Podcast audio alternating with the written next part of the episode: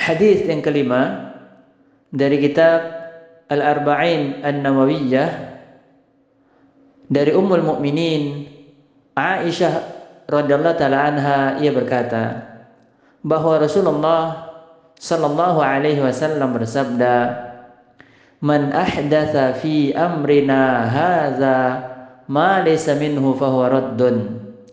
Siapa yang membuat suatu perkara baru dalam urusan agama kami ini yang tidak ada asalnya, maka perkara tersebut tertolak.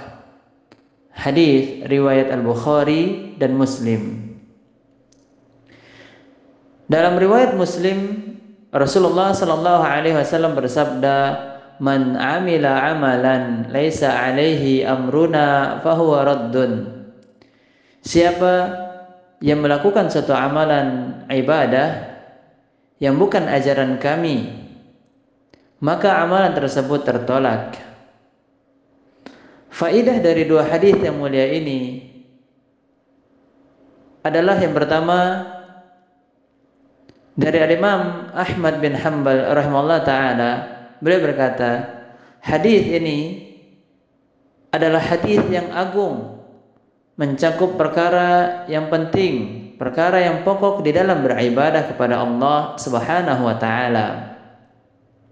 Faedah yang kedua, selain ikhlas karena Allah, konsekuensi dalam beribadah kepada Allah adalah mengikuti tata cara beramal tata cara beramal yang diajarkan oleh Rasulullah sallallahu alaihi wasallam dan diikuti serta dicontohkan oleh para sahabatnya radhiyallahu taala anhum ajma'in.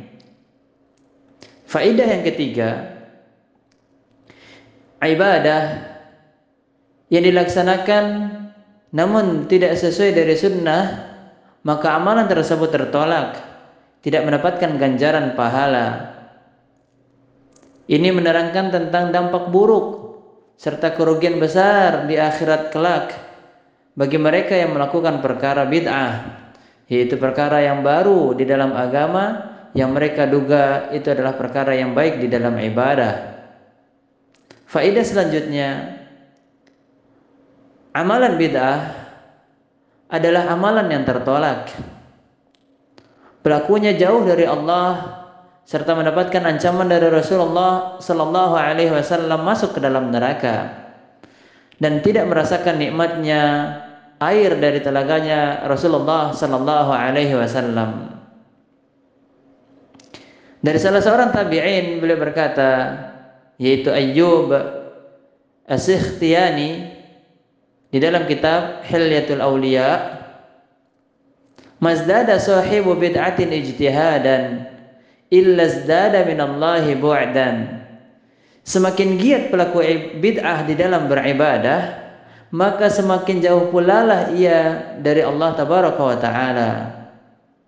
Nabi pun Nabi pun memberikan ancamannya di dalam hadis yang diriwayatkan oleh Imam Al-Bukhari rahimahullah taala. Nabi sallallahu alaihi wasallam bersabda ana faratukum alal haud. La yurfa'anna ilayya rijalun minkum. Hatta idza ahwaitu la ana wilahum ukhtuliju duni fa aqulu ay rabbi ashabi yaqulu la tadri ma ahdathu Nabi sallallahu alaihi wasallam memberikan gambaran keadaan nanti di akhirat tatkala umatnya melewati haud. Aku mendahului kalian di haud yaitu telaga dinampakkan di hadapanku kata Rasulullah wasallam beberapa orang di antara kalian. Ketika aku akan mengambilkan minuman untuk mereka dari al-haud mereka dijauhkan oleh Allah Subhanahu wa taala dariku. Aku lantas berkata wahai Rabbku ini adalah umatku. Lalu Allah Subhanahu wa taala berfirman engkau sebenarnya tidak mengetahui bid'ah yang mereka lakukan sesudahmu. Sahabat asyabab yang semoga di dalam perlindungan Allah Subhanahu wa taala yang selalu semangat di dalam beribadah. Belajarlah tata cara ibadah kepada Allah sesuai tuntunan syariat, bukan sesuai akal, hawa nafsu, dan adat yang memikat. Ikhlas karena Allah dan mengikuti sunnah adalah dasar ibadah untuk menggapai ridho Allah dan kebahagiaan penuh rahmat di dunia dan akhirat. Semoga kita senantiasa dimudahkan oleh Allah Subhanahu wa taala untuk istiqomah di atas sunnah. Barakallahu fiikum.